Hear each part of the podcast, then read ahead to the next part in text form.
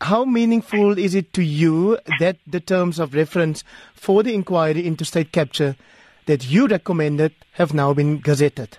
I think it's it's, it's a it's a good development, not just for me as a person, because I was just the incumbent at the time, but it's a good development for the South African nation and for investors because it was an important issue that the allegations and available evidence on state capture were tested as soon as possible. There was talk or uncertainty prior to yesterday about the extent of this inquiry. President Zuma is known for wanting to have the inquiry extend to before 1994. Your response to the fact that the terms of reference is staying within the parameters, if you like, that you recommended?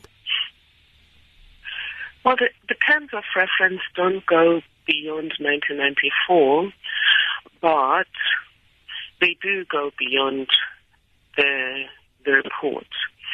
In some ways, they are narrow. In some ways, they are broad.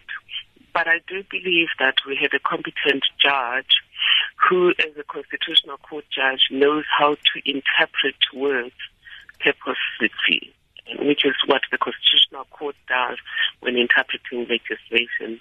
They do a, a, a purposive approach.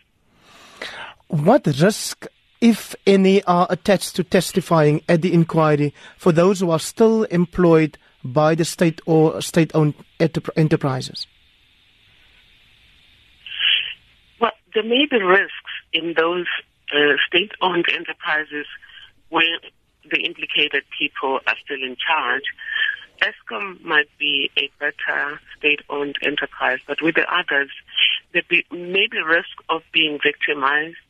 There might also be a risk of um, that victimization leading to you losing your job, and you would not be fired for testifying. You might just be fired for some minor infraction that they've just remembered. It will be important that um, the commission provides some safeguards for the the people who testify. And I note that the president has said everyone should uh, assist the commission, which then gives people permission to assist. Advocate, are you confident that the commission will complete its work in the prescribed 180 days? I'm confident if the Deputy Chief Justice navigates the widening of the brief carefully by making sure that he sticks with what the court said he must stick with at the beginning of this investigation. And if he has additional time and extra time, he then deals with any other allegations. Would you be available for a role in the commission, let's say evidence leader or any such?